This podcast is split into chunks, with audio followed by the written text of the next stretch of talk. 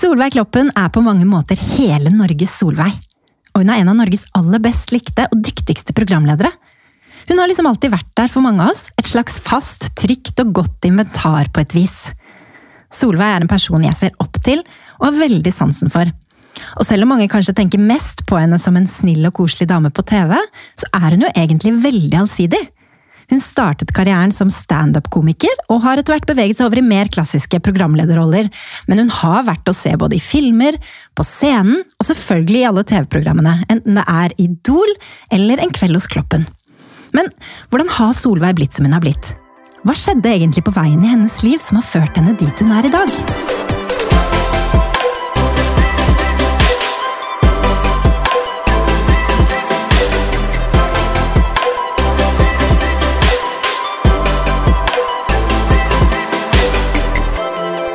Velkommen, Solveig. Tusen takk. Takk for hyggelig intro. Du, Bare hyggelig. Stort spørsmål, da. Hva skjedde egentlig i ditt Ja, liv som har ført deg dit du er i dag? Guri, det er stort, ja. Så eh, det korte svaret er jeg aner ikke. Men vi kan jo prøve å grave litt i det, da. Ja, det kan vi. Ja. Men først og fremst, hvordan har du det i dag? I dag, jeg har det eh, Jeg har det bra.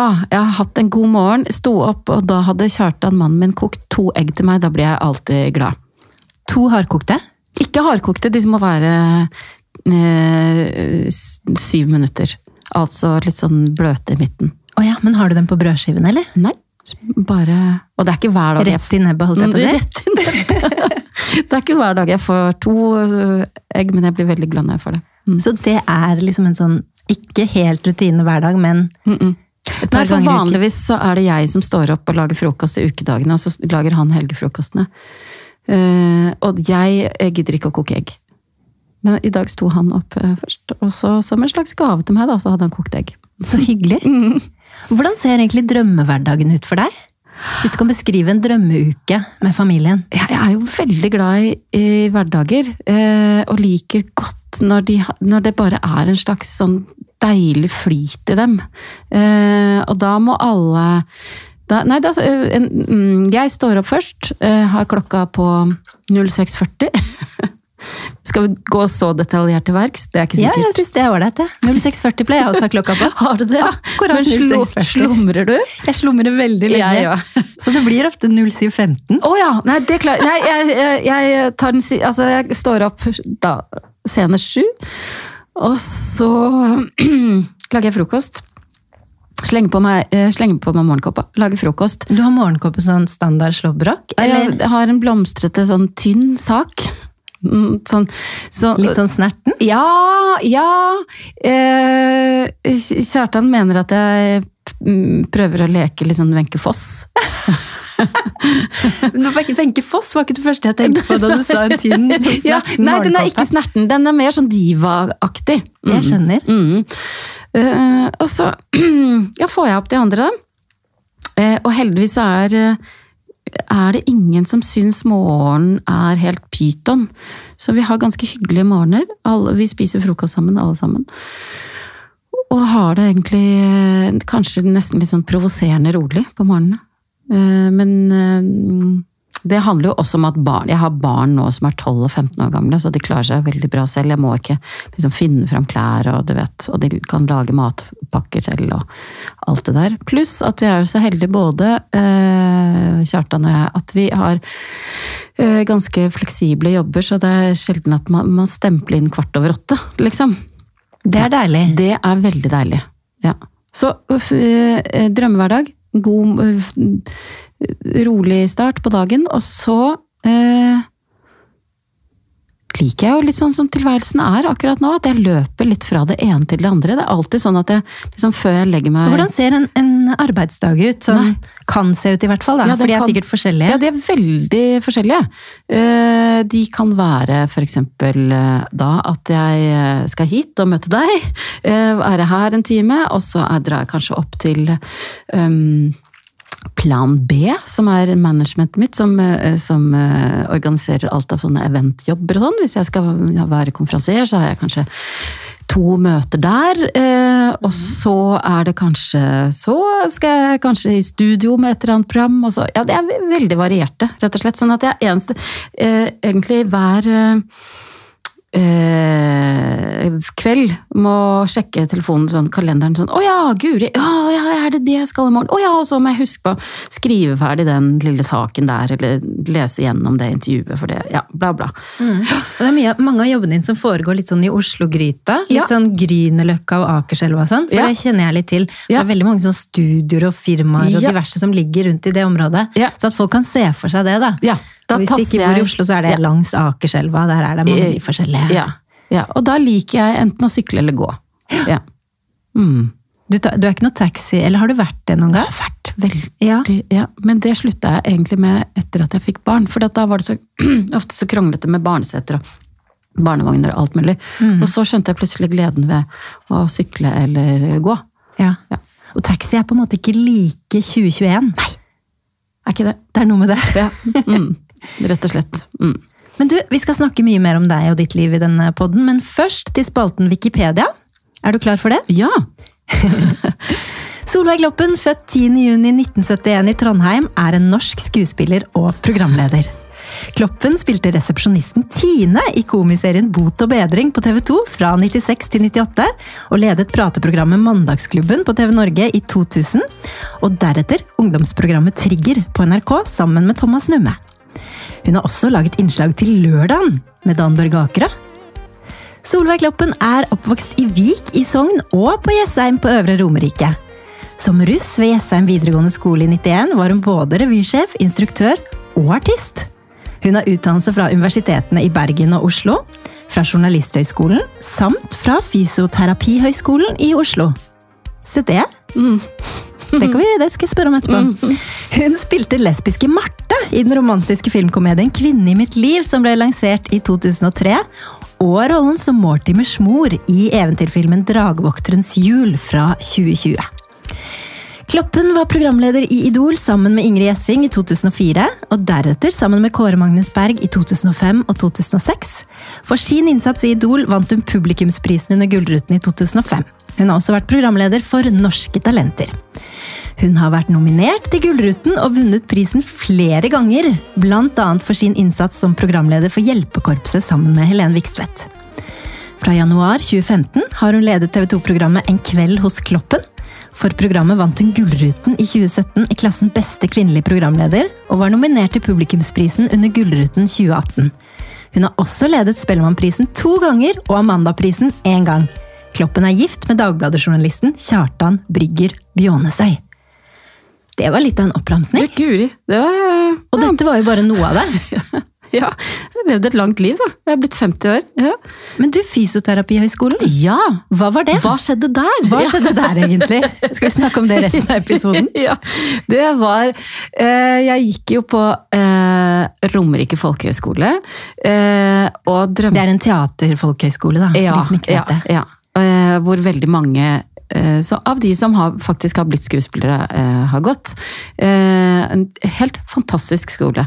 Men, eh, og jeg, for jeg drømte om å bli skuespiller veldig lenge. Og jeg ler jo, fniser jo litt eh, når det står på Wikipedia at jeg er skuespiller, for det er jeg på ingen måte. Jeg er heldig og har fått lov til å, å være med på, et, på noen, noen småting, liksom. Men jeg er virkelig ikke skuespiller. Um, men drømte om å bli det. Eh, Men så var det nok sånn at da jeg gikk på Romerike, så skjønte jeg at her er det andre som er større talenter enn meg. Eh, Men jeg ga ikke opp drømmen. Jeg drev og søkte på Teaterhøgskolen likevel, men så kom jeg da inn på eh, Fysioterapihøgskolen. Og det var samme år som Märtha også kom inn. Ble du kjent med Märtha ja, men da, greia var at hvert fall det hun var med som en del av liksom Fordi at jeg tenkte sånn, ja hvis hun skal gå der, da må det jo være Er ikke, er, det jo en, er ikke det en fin utdannelse, da? Og kort og grei, og man får seg helt sikkert jobb etterpå. Eh, og det var litt vanskelig å komme liksom, så jeg tenkte ja, ja, men det Ja, men da sier vi vel ja til det. Mm. Og så gikk jeg der Jeg skjønte ganske kjapt at eh, det var veldig mye sånn allværsjakker og perleøredobber. Det var ikke helt uh... Det var ikke det samme som Romerike folkehøgskole? Nei, det var en veldig stor overgang. Uh, og jeg mistrivdes skikkelig. Jeg hadde ikke noe bra, rett og slett. Så, Du eh, var ikke i ditt naturlige habitat i det hele tatt? Nei, og jeg skjønte jo ganske raskt at eh, det viste seg at jeg er jo ikke spesielt opptatt av kropp. Syns det er litt kjedelig. Det er bare noe som jeg har, eh, som heldigvis funker, liksom. Eh, sånn at eh, Jeg bare husker at jeg var på kontoret til moren min etter påske i første klasse på skolen der, og så husker jeg at hun så på meg. Og hun var en ganske sånn ambisiøs dame på barnas vegne, men jeg husker at hun så på meg og så på det bleke ansiktet mitt, så sa hun 'er du sikker på at det er fysioterapeut du skal bli, Sylve. og så tenkte jeg nei. Det skal jeg ikke bli. Så da Ja, slutta men hvordan, jeg. hvordan fant du ut at du skulle gå på fysioterapistudiet da? Nei, Hvor kom det fra? Nei, det kom bare fra at jeg tenkte sånn Ok, men det er ikke Det var nok en murrende følelse av at det er ikke sikkert jeg blir skuespiller. Ok, da må jeg ta Da må jeg liksom velge noe som eh, Hvor jeg øh, Helt sikkert få jobb. At det virka bare så greit. Og I tillegg til da at Märtha hadde valgt den utdannelsen som, som gjorde at det var liksom et slags kvalitetsstempel, da, følte jeg, på, på den utdannelsen. Mm, Men- Hvor langt kom du egentlig? Nei, jeg slutta da eh, rett etter påske i første klasse. Ja, ja det Mm. sa du. Eh, før anatomieksamen. Så jeg slapp å lese til den, da. Det var jo bra. Men det gikk heldigvis veldig bra. Det har skjedd mye annet i ditt liv og din da. karriere. Ja, eh, Men jeg har jo surra mye rundt sånn eh, I 20 20-årene følte jeg var mye surr. Eh, det er mange som snakker om at liksom ungdomstiden var vanskelig. For meg ah, var det 20-årene som var eh, eh, litt sånn tåkete og vel, masse gøy, men også mye frustrasjon og den derre følelsen av at alle valg man tar er avgjørende for resten av livet, og så skjønner man i 30-årene at sånn er det jo ikke. Men eh, den derre Hvem skal jeg være? Hva skal jeg bli? Eh, hvem skal jeg være sammen med? Ja, De store tankene der liksom var så voldsomme. Jeg vet ikke, Hadde ikke du det sånn i 20-årene? Jo, absolutt. Ja. Men akkurat det har jeg lyst til å høre litt mer om. Men først, Ja. hvis du kan ta oss litt tilbake, da. Ja. 1971, ja. da blir du født. ja. Så vokser du opp i Vik i Sogn. Mm, først bodde vi i Trøndelag til jeg var tre. Ja, du er født i Trondheim. Mm, Esedals stiftelse. Ja, akkurat. Ja, men de og første årene husker jeg jo ikke så mye av, bortsett Nei. fra at vi hadde praktikant uh, som vasket håret mitt, husker jeg, og det var et mareritt. Det har tydeligvis satt seg der, da. Ja, ja. men uh, ja. Hvordan vil du beskrive oppveksten din, da? I Sogn, eh, i Vik i Sogn og på Jessheim, kanskje? Mhm. Den vil jeg Nei, grunnfølelsen uh, er jo at jeg var uh, et, et elsket barn, som jeg tenker er det aller viktigste. Og Men vi var nok en familie, en slags, hva skal jeg si, en, på en måte en emosjonelt dys, dysfunksjonell familie. At vi var liksom eh, fire stykker som eh, ikke nådde helt inn til hverandre, tror jeg eh, at man kan si. Eh, Det var som- altså mor og far og Ja. storesøster Katrine og deg. ja. Eh, og en hund som het Narka. Eh, men eh, eh, ja, alle prøvde så godt de kunne, og så Og så hadde vi mye fint, og så etter hvert så ble det jo vanskelig for flere, liksom. Mm. For det ble en del krangling hjemme. Masse krangling. Mamma og pappa burde kanskje aldri vært gift, tenker jeg.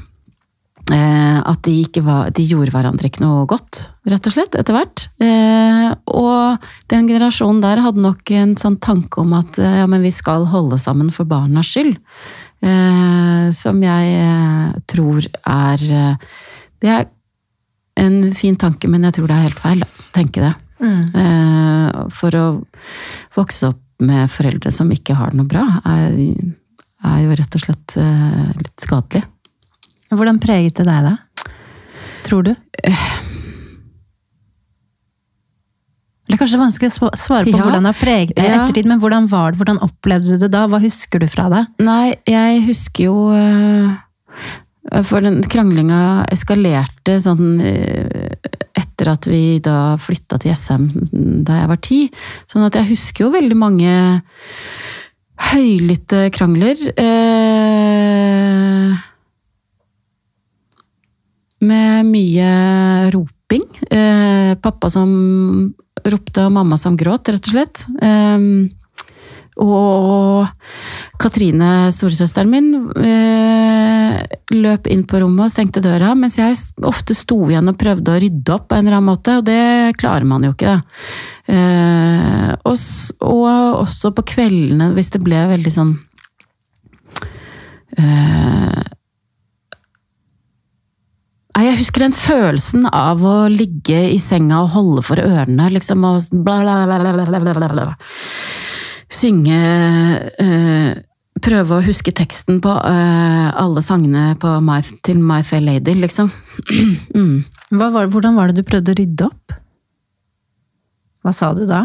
Av typen Eh, nei, for det første sikkert Aller først bare prøve å, å få kontakt. mm. Mm. Eh, og så tror jeg eh, da mm, Prøvde å innta en slags meglerrolle, da. Eh, men det Jeg mislyktes jo stort sett i det. Så, mm, så Var det sånn kasting av ting Nei, nei da, det var, og sånn? det var ikke Det var, eh, det var Jeg har- ikke vokst opp i et voldelig hjem. Eh, og nå høres det kanskje verre ut enn det var. Og, var, eh, og, og ikke sant Det er ikke sikkert at de krangla mer enn én gang i måneden. Men i, i Min følelse er at det var krangling, eh, veldig mye krangling i ungdomsårene. Mm. Mm. Det er noe man husker helt Ja. sikkert, da, ikke Mm, sant? Det mm. setter seg. Men hvor bevisst er du da på å ikke krangle hjemme foran dine barn? Nei, men jeg er jo litt opptatt av at det må være lov å krangle. Ja. Jeg- For jeg tror ikke det er noe bra å liksom bare at man skal Dekke overalt, Nei, jeg på å si. Eh, men jeg er blitt opptatt av at vi må reparere, da. Eh, Sånn at barna ser det òg. Mm. At vi blir venner igjen, eller at vi blir enige om at ok, her er vi bare grunnleggende uenige, og det går også helt fint. Eh, eh, fordi at jeg, har jo, jeg er jo ganske temperamentsfull, jeg er jo hissig, så jeg blir veldig eh, sint hvis eh, Kjartan og jeg i en krangel eh, Hvis han i en krangel sier 'nå overreagerer du', Mm. det er ikke lov. Da blir du enda sintere? Ja, da blir jeg ordentlig rasende, liksom. Ja. Er det det som gjør deg mest sint? I så fall er det ikke mye. Uh, ja, hvis, uh, hvis noen sier til meg at du kan ikke føle det du føler nå, ja, det, det er veldig provoserende, ja. Mm. Mm. Det går Men ikke har du an å si alltid vært så temperamentsfull? Ja, ja, ja, ja. ja, ja. Mm, ja, ja. Så det har jeg fra pappa, da. Ja. Mm. For det var han som var mest temperamentsfull. Aha, ja. Hissigpropp. Mm. Men du tror du at foreldre i dag har litt andre Ja, dere da blant annet har litt andre verktøy, for du sier jeg er opptatt av å reparere. Mm. Man liksom har lært dette et Ja, sted. ja. Man har fått noen verktøy hvis det oppstår uenigheter hjemme. I forhold til da vår foreldres generasjon, som ikke ante noen ting. De bare spydde ut alt. Ja, ja. Ja Verktøykassa vår er jo ganske full, egentlig. Jeg bruker dere mange av dem hjemme? Ikke, Litt sånn ubevisst? Ja, sikkert som dere har lest? Ja, ja. Litt sånn 'nå må vi reparere', det har Hedvig Montgomery sagt. Ja, ja. Men jeg kan jo også bli liksom Hvis vi har, hvis eh, vi har vært vi har jo vært noen ganger eh, eh, i parterapi, Kjartan og jeg, og hvis jeg i en, i en diskusjon, i en krangel, liksom merker at å ja, nå bruker han det, da kan jeg også bli veldig irritert. Sånn, nei, men ikke kom her og sånn, sånn ja, Ikke kom her ja, med Montgomery nå. Ja, nei, ikke, Eller kanskje ikke Montgomery som er men- krangleterapeuten, men nei, nei, ikke, Cecil Gran. Jeg skjønner hva du holder på med nå, den der validering av mine følelser, det funker ikke da! Nei. Nei, det kan bli litt mye av det. Mm. Men eh, stort sett så tror jeg nok det er eh, at vi er litt bedre. Kjempebra. Vi, Ja. Og vi er jo mye tettere på barna våre, på godt og vondt, da. Ja, Hvor tette er dere? Vil dere si at dere er gode venner med barna deres? Mm, jeg er mamma, eh, først og fremst. Mm. Um, og jeg er jo opptatt av at de skal få lov til å ha sine grenser, og jeg skal ikke. Men uh, de må bare føle at de kan komme oss til, til oss om, med absolutt alt, liksom. Du kommer kanskje ikke til å være med på russebussen? Nei, det kommer, jeg kommer ikke til, du kommer ikke til å se meg rulle. Du så det programmet til Live Nelvik, Lives oppdragelsesreise.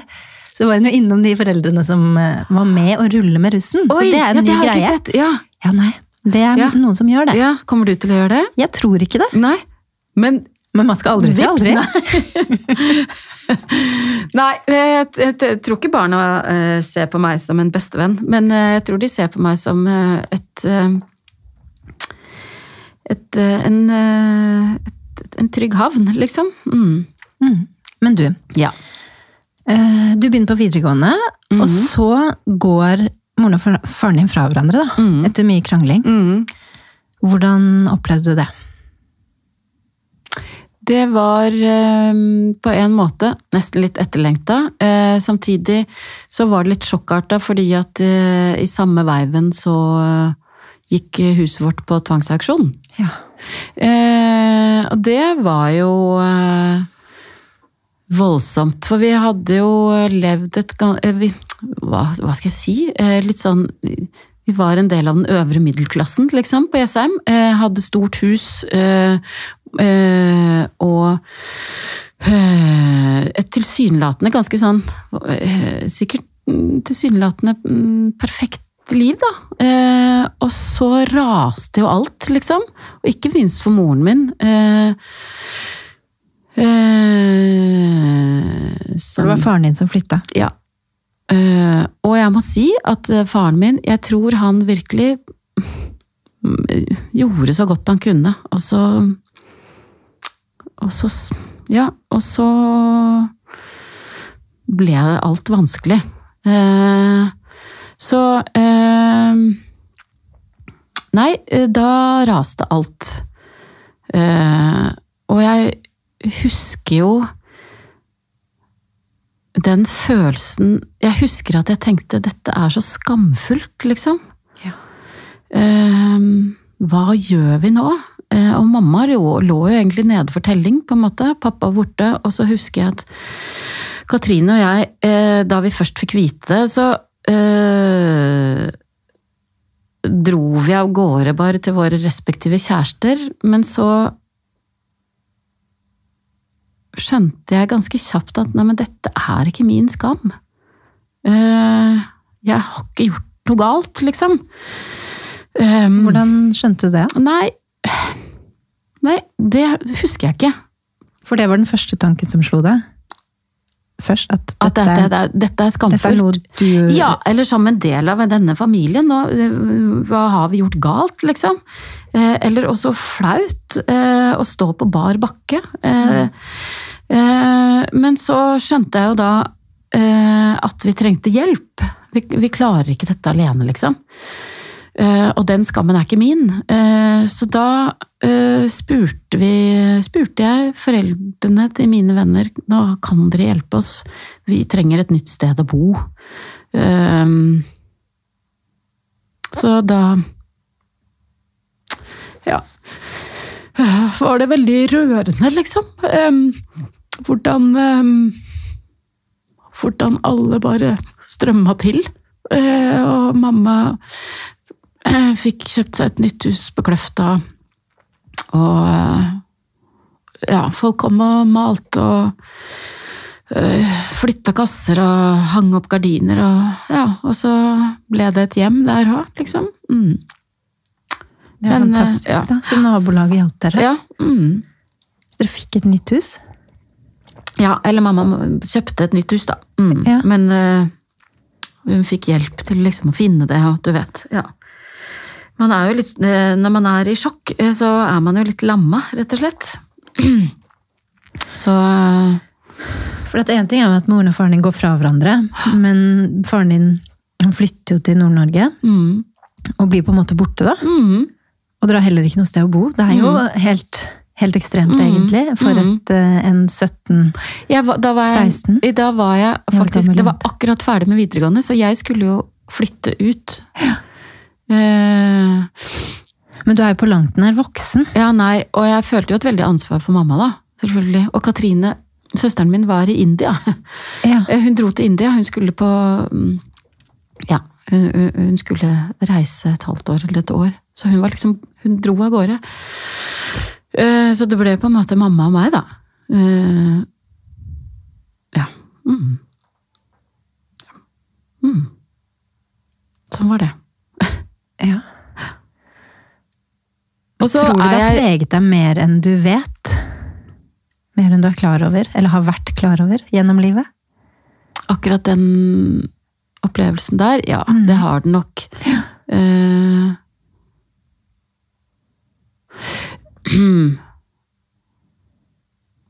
men, men litt på godt og vondt. eh, ikke sant? At uh, jeg har jo opplevd også senere det der at livet kan ta en liksom helt annen retning, og uh, Bare om en time, hvis du skjønner. Eh, sånn at det gjør jo at jeg også kanskje er blitt ganske god på å være til stede i øyeblikket, og liksom klisjéfylt nok liksom gripe dagen, da. Tenke at ok, men fy søren, denne timen her var fin. Mm. uh, og så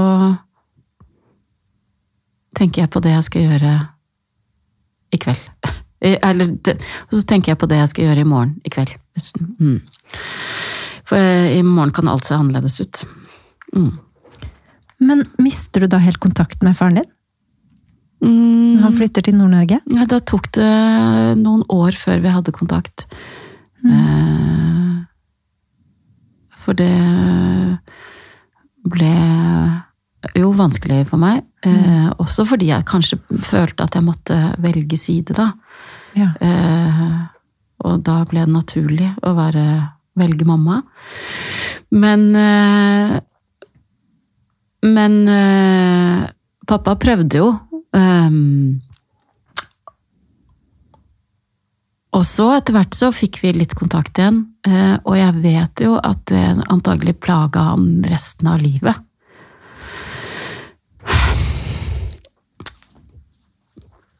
Um, ja. Um, og han fikk en helt eh, nydelig kone. eh, Karin, som jeg er veldig glad i. eh, og, jeg er kjempeglad på pappas vegne at han eh, fikk det så fint med henne. Jeg tror de to gjorde hverandre gode. Så Ja. det er jeg veldig glad for. Mm. Um, og så var det sånn at uh, før jul i 2019 uh, så ringte Karin og sa at nå har pappa fått et hjerneslag uh, og er ganske dårlig. Mm. Og vi vet ikke hvor lenge han klarer seg.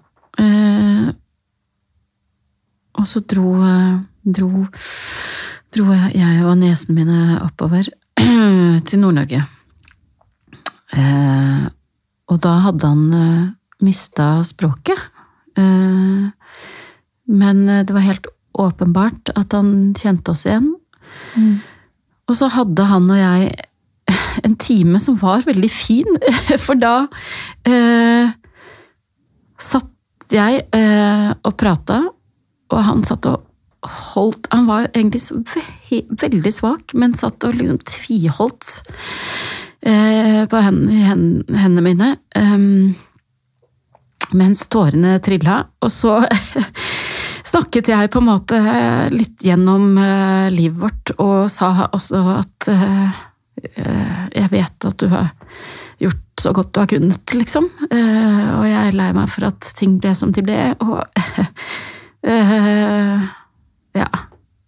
Fikk på en eller annen måte formidle at eh, jeg var glad i han da, og, og at jeg liksom tilga han. Eh, og så ble det en utrolig fin og forsonende stund, eh, uten at han sa et ord. Og Kanskje var det litt fint òg, at han ikke kunne snakke. Så kunne jeg legge i den stunden akkurat det jeg ville. Mm. Reagerte han på noen måte, eller? Ja, ja, han var veldig øh, Jeg følte at han var veldig med, og, og ja, som sagt, tårene trilla, liksom, på oss begge. Så det var fint, og det var siste gangen jeg så han. For han døde i fjor. Mm. Mm. Da hadde du allerede opplevd å miste mor og storesøster. Mm. Hvordan var det Det har vi hørt deg snakke om tidligere. Mm. Um, Og hvordan var det da å så miste pappa? Da er du Plutselig den eneste igjen Ja, fra akkurat. den originale, opprinnelige familien. Ja. Eh, ja, det, det, akkurat det er jo en rar følelse. Ja. Være, samtidig som jeg tenker, jeg er, jo et vok jeg er jo voksen, jeg er jo 50 år, sånn at det er jo ikke uvanlig, på en måte. Men, eh, og det Alt kommer jo litt oppå hverandre. Jeg tenker at det, det kommer eh, noe i det er noe i enhver gard, liksom. Det det, alle får sitt. Eh, Det bare komme litt tett, da. Mm. Eh, og så er jeg jo veldig glad for at jeg har så mange andre, og min egen lille familie, og jeg har niesene mine, og jeg har utfattelig mange gode venner. Sånn at eh, det, det er på ingen måte synd på meg, det, men det har, var jo noen, har jo vært noen heftige år. Um, og så kjenner jeg at det er uh, er jo trist å ikke ha noen livsvitner igjen, liksom. Eh, jeg savner jo å kunne ringe noen og si Du, hvordan var det med den derre Den derre sølvskåla som vi fikk av tante Berit, hva var, hva var historien der igjen? Eller, mm. du vet. Mm. Eh, og det at pappa også døde, gjorde jo kanskje at savnet etter Katrine, storesøsteren min, ble enda sterkere, da. Mm. Mm, jeg skulle så gjerne hatt henne her, liksom. Og de andre òg, selvfølgelig, men eh, det er helt eh, de, Mamma og pappa var jo gamle. Det er helt feil at hun er borte. Um, ja. Og um, det er så mange ting jeg skulle snakket med henne om. Mm. Mm. Ja. Så um, Men ja, Nei, det er jo den følelsen av at uh, nå er den døra til barndommen lukket. Egentlig. Ja. Men jeg er jo 50 år, så det er det, Det er ikke så veldig gammelt det da, Solveig. Nei, nei. Jeg syns det er mer enn nok å oppleve en alder av 50. Ja, ja. Men som sagt, jeg føler meg veldig heldig også. Jeg har så mye fint og godt i livet mitt, så det er ikke synd på meg. Har du lagret noen sånne kasser fra huset til moren din og Ja, sånn, eller? Ja, ja. Det tok, Ja. det tok meg tre år å rydde det huset til mamma. Ja. Um, uh, og, og så til slutt så måtte jeg bare bestemme meg for at ok, jeg leier et lager. Jeg, jeg klarer ikke å kvitte meg med alt. Så nå har Så du har et lager? jeg har et lager. Så lurt. Ja, Ja. ja, ja. Og så får jeg heller ta det litt sånn eh, pø om pø. Ta en ny runde snart. Det er jo mange ting jeg ikke trenger der. Men jeg klarte ikke, jeg klarte ikke å kvitte meg med Jeg klarte ikke å liksom Du vet, det er så mange Men må man alltid kvitte seg med alt, da? er det ikke man litt hyggelig å ha det, da? Jo, men det er sånn hvor mange sånn Hun var så glad i håndarbeid, ikke sant. Hun har Det er så mye billedvev. uh, og jeg kan ikke fylle huset med billedvev. Uh, og så er det så brutalt, for det er sånn mange ting hun har, hun har spinka og spart på sånne jule, juleplatter fra, fra 1969 og, opp til 2012, liksom. Og så er det sånn Men hva Jeg, jeg, jeg, jeg, kan, ikke bruke det til noe. Og det jeg prøvde å gi det bort på Finn, det er ingen som vil ha det engang. Uff, Det er så trist, liksom. Hvis du først har et lager, Ja. kan du ikke bare ha det Jo, der, da? jo, jo. Hvem vet, kanskje dine barn syns det er gøy? Kanskje de har lyst på juleplatter. Og kanskje dette med å samle bli inn igjen? Ja, kanskje. kanskje. Akkurat nå skal det være sånn at man skal kvitte seg med alt, men hvem Ja, vet? Altså, ja, ting ja. snur ofte. Ja, ja, ja, ja. Så nå står det på et lager i Gjerdrum, og der står det godt. Ja. Ja. Mm. Dette med at du gjerne sto på scenen, eh, liker å bli sett, eh, har vært litt sånn midtpunkt, hatt hovedroller og sånn. Har det alltid vært der, eller har det kommet etter hvert? Det tror jeg alltid har vært der. Eh, Jeg tror jeg var et ganske irriterende lite barn. Eh, For det første så lærte jeg Jeg lærte meg ikke å Jeg kunne ikke si R før jeg var ti. Jeg hadde en sånn, Vi flytta jo en del rundt, da, så jeg, og så, så jeg snakka sånn halvtrøndersk veldig lenge med en sånn, sånn G-egg. Eh, Syns det hørtes veldig søtt ut. Da. Ja, ja. Men hvis du i tillegg er litt veslevoksen, ja øh, Litt irriterende. Jeg husker at jeg sto i vaskekjelleren i Vik og øvde.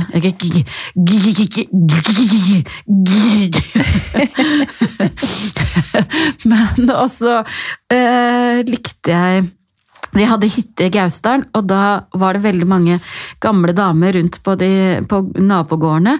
Så jeg husker at jeg gikk fra gård til gård og eh, med en eh, Ingrid Espelid Hovig-parodi som jeg tenkte at jeg var ganske god på. Jeg fikk kjeks og saft. Det er helt fantastisk. En Ingrid Espelid Hovig-parodi. I en alder av ti? Eller og yngre? Fire, tror jeg. Ja, ja, ja.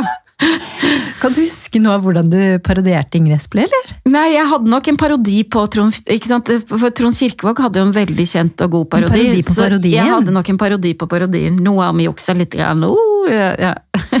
Men hva Men sa disse gamle damene som fikk Å besøk nei, av deg? de klappet hendene og ga meg kjeks og rød saft. Og så vil historien ha det til at, jeg, at det begynte nok allerede, for mens vi i Trond, nei, bodde i Trondheim, så så hadde mamma vært på kurs på, eh, på Røros, eh, og så skulle vi hente henne på togstasjonen. Og så hadde pappa mm, skulle hente et eller annet i bilen, eller noe sånt, så Katrine, storesøsteren min, fire år eldre, skulle passe på meg, men da han kom tilbake, så sto jeg alene på, uh, midt på plassen der, og tok av meg plagg for plagg. Uh, uh, og sjekka om folk fulgte med, og så hadde Katrine løpt og gjemt seg, for hun syntes det var så flaut. Mm. Ja, så Så hun var alt for- ikke alltid like tilhenger av eh, Nei, nei, Solveig nei. som skulle spille hovedrollen og stå nei, foran? Nei. Sikkert eh, ganske irriterende lillesøster. Mm, på alle måter. Men var du litt sånn som skulle opptre i familieselskaper og ta en sang eller et lite nummer? Eh, ja, og etter hvert så uh, For jeg spilte piano og sånn, så etter hvert så mm, var det vel sånn også at du vet, mamma sa sånn Å, kan ikke du spille en Spille noe på piano? Ja. Kjenner du deg igjen? Ja, jeg kjenner meg veldig igjen. Ja. Jeg tenkte jeg ikke skulle si noe om det, men uh, siden du sier det, så var veldig lik. Ja, og lett å be av, da. Veldig Ja, å be. ja. Mm.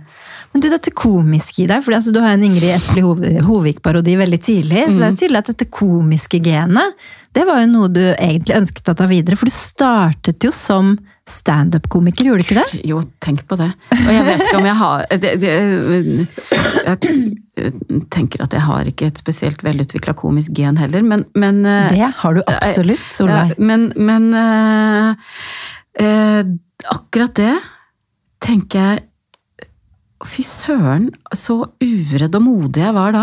Mm. Eh, og så sugen på oppmerksomhet at jeg rett og slett valgte å gå dit. Men da var stand-up veldig nytt. Ja, eh, det var det. Ja. Eh, Det var eh, Og det var ikke så mange jenter som holdt på med det. Men og ehm, Og jeg var jeg, eh, jeg, var jo ikke spesielt eh, god heller, men eh, Hvilke scener var det du opptrådte på da? Nei, jeg var på Dette var før Nå er det jo en stor scene i Oslo som Standup Norge driver, som heter Latter, men dette var før Latter, så det var liksom eh, på Christian Kvart. Eh, og eh, Var det ikke på Victoria der? Et sted i Karl Johans gate? Ja, nei, Var ikke det en sånn stand-up-scene? Ja mm, Det var kanskje der mer revy? Ja, ja, Klumpelandslag ja, og sånn? Ja, Mhm. mm. Nei, jeg var ikke der. Eh, Nei, hva skal jeg si om den standup-karrieren? Hva skal jeg si om den standup-karrieren? Eller man kan ikke kalle det en karriere. Eh, Jeg var eh, sugen på oppmerksomhet, jeg var uredd, modig, og så holdt jeg på en stund, og så skjønte jeg vel at dette, jeg blir ikke en stor stjerne. Så da ga jeg meg. Men parallelt med dette så søker du også på teaterskolen? Eh, Gjør du ikke det? Jo, det, nei, da hadde jeg slutta med det. Eh, Ja, for Hvor mange ganger søkte du på Teaterhøgskolen? Tre, tre ganger. Men du kom til tredje prøve, og det er Ja den viktigste siste prøven Ja, før ja. Altså, siste opptak. Så du kom jo langt. Jeg kom langt. Da var vi vel bare var vi 30 stykker, og så kom 10 inn, eller noe sånt. ikke? Så og dette man- skjedde da tre ganger. Ja, jeg kom ikke til tredje prøve tre ganger, altså, men, eh, men eh, Hva gjorde du på audition, kan du huske det? Ja, eh, hva gjorde jeg? Jeg husker jo flere av Jeg husker jeg hadde en monolog som var sånn Men da Jeg får for man skal alltid gjøre monologer på de opptaksprøvene. mm, mm. Søster de har ringt. Jeg sa du lå i badekaret. Ikke nok vits å fortelle henne at du ikke var hjemme, at du ennå var ute og sveiv. Det er visse måter en ikke skal glede visse mennesker på. Det var veldig mye følelser, liksom. Det er gøy at du husker det Mm, ordrett mm. fortsatt. Hvem har skrevet den monologen der? Det husker jeg ikke. Nei, Det husker På jeg ikke. nynorsk. På nynorsk, ja. Og da hadde jeg en eh, fiktiv motspiller som gikk, drev og gikk ut og inn av, av rommet, så det var litt komplisert, husker jeg. Men eh, nei, det er jo en helt grusom setting, for at du sitter jo Du går inn i et helt mørkt rom, eh, men det er spott på gulvet, og så er det tre Tre stykker som sitter i juryen, og som bare Det gir deg jo ingenting, ikke sant? Ganske brutalt. Ja, det er søren meg helt grusomt, egentlig. Um,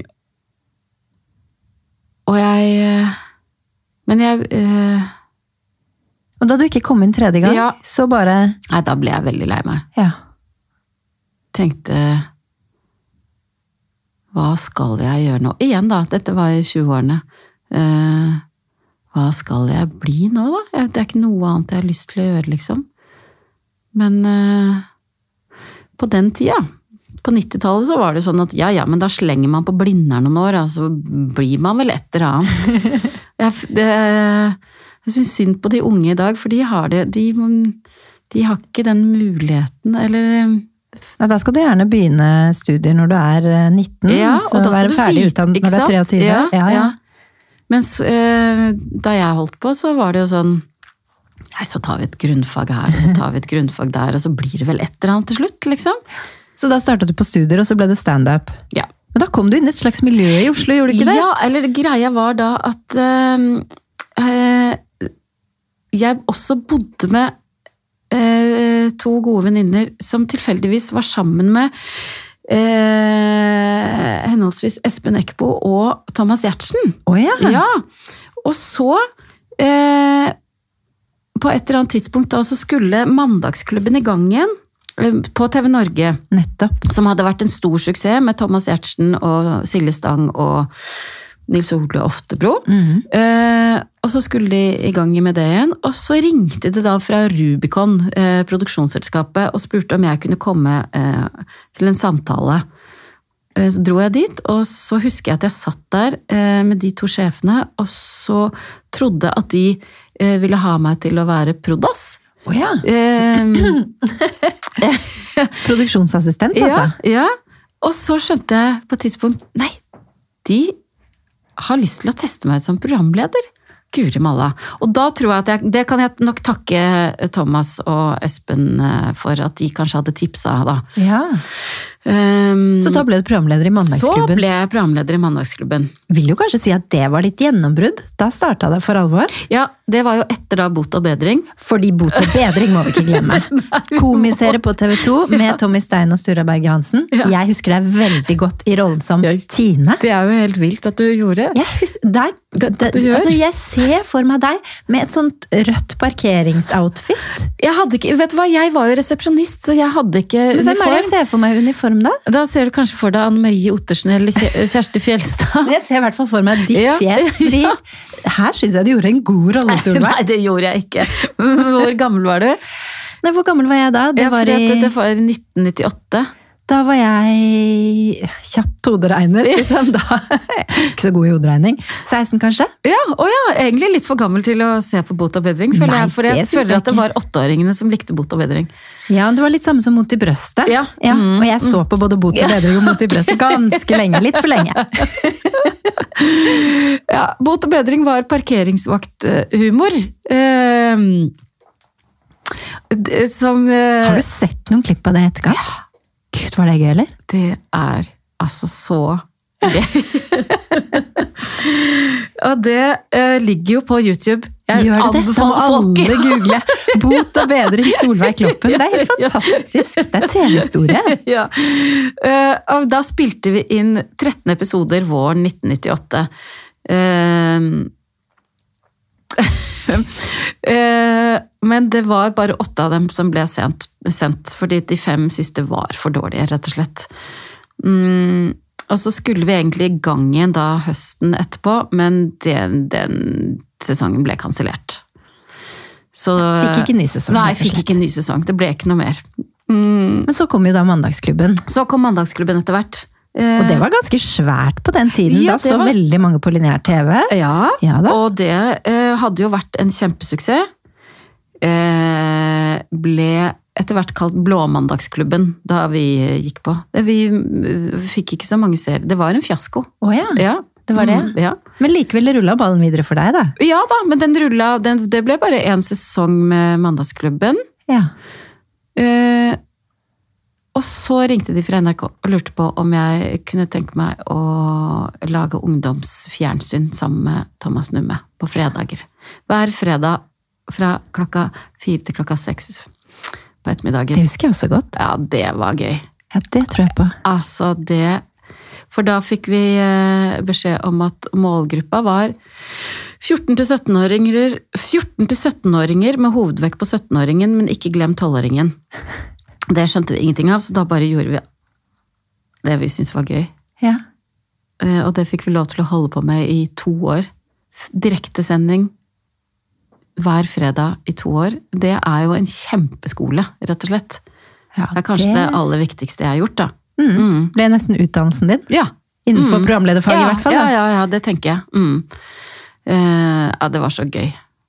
Jeg er, helt, eh, jeg er skikkelig glad for de årene der.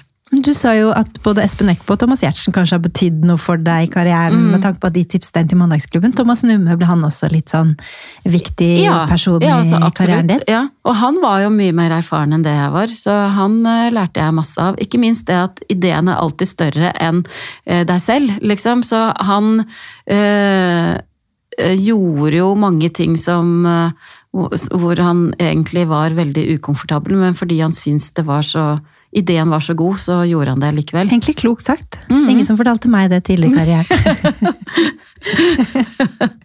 Og, og, og ikke minst, eh, tull på tull er ikke gøy.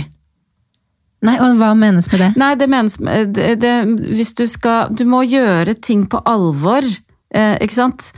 Eh, nå kommer jeg ikke på noe godt eksempel, men, men eh, hvis du skal Ikke eh, tulle bort tullet, liksom. Nei, ikke sant? Eh, Et, Hvis du har en punchline, så ikke ja, eller hvis du skal danse Sånn som, Husker du eh, Truls Svendsen da han dansa på Gullfisken? Ja. Helt fantastisk. Beyoncé. Ja. Helt Husker fantastisk. Som jo er tull, men han gjør det med stort alvor. Han lærer seg jo dansen. Ja. Hvis han skulle tulla det bort, da hadde det ikke blitt noe gøy. Da hadde det blitt tull på tull. Også klokt sagt. Ja, det lærte jeg av Thomas Numme. Mm. Jeg har hørt at du er et siste lit-menneske. Ja. Hva tenker du om det? Uh, ja, det stemmer nok. Uh, hvor har du hørt det fra? Nei, det var en fugl som kvitret meg i øret. da. jo, jeg er det. Uh, jeg gjør gjerne ting i siste lita, men, da, jeg, da, men jeg gjør det likevel ordentlig. Mm. Er du et rotete menneske? Eh, Eller la meg omformulere. Ja. Hvor rotete har du vært opp gjennom livet? Ja, eh, eh, ja. Da vi bodde i kollektiv, så hadde jeg det minste rommet, men med flest ting og klær, så det eh, til tider kunne man ikke se gulvet på rommet mitt. Jeg tenker at jeg holdt ut. Men jeg, eh, jeg, er, blitt, eh, jeg er blitt bedre, eh, og nå er det sånn at Og sånn var det kanskje litt da, at på sånn fellesområder så vil jeg ikke ha rot. Jeg orker ikke, jeg er ikke noe glad i sure kluter og brødsmuler, liksom. Men øh, Men det ble litt det da? Eller klarte du å holde det såpass at du unngikk det? Nei, det var sikkert litt sure kluter og, og brødsmuler. Men det var nok aller verst inne på mitt eget rom, tror jeg. Mm. Og så er jeg jo eh, Jeg syns det er vanskelig å kvitte meg med ting. Eh, sånn at eh, Da blir det mye. Da blir det mye. Mm. Men nå har vi nettopp pussa opp hjemme, så alt har fått sin plass. Det gjør jo ting litt enklere.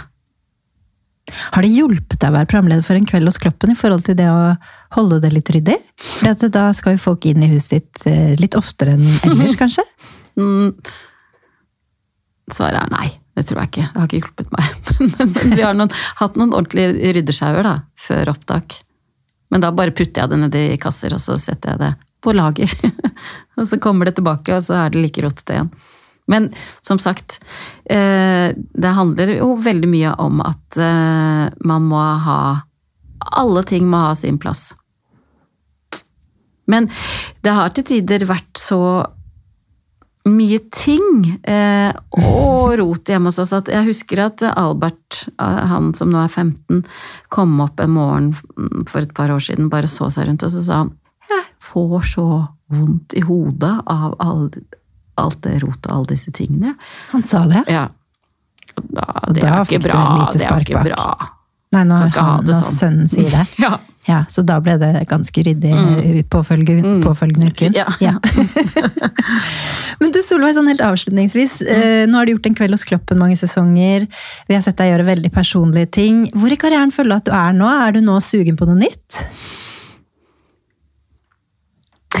Eller tenker du at du må fornye deg? Jeg tenker at eh, jeg er i hvert fall nødt til å jobbe for å holde meg relevant. Ehm, for jeg tenker jo at eh, eh, jeg har mange år igjen i arbeidslivet, eh, og jeg har masse å gi fortsatt, selv om jeg er 50. Eh, Det er jo dessverre sånn at eh, historisk sett eh, så er det veldig mange kvinnelige programledere som forsvinner eh, når de eh, runder 50. Ja, Men det skal ikke du. Nei, jeg har ikke tenkt å forsvinne. Tidene har forandret seg litt. Ja, heldigvis. heldigvis. Og, men, og det er også Det er jo også min jobb å, og fortsette å liksom jobbe for å ja, være relevant. Eh, Og det har jeg tenkt å fortsette med. Så det kan hende vi kommer til å få se deg på noen litt nye arenaer fremover, eller? Tror du det? Ja, det er ikke umulig. Nei. Vi gleder oss uansett. Tusen takk for at du kom, Solveig, og delte av livet ditt. Satte jeg veldig stor pris på. Takk for at jeg fikk komme. Det var veldig fint.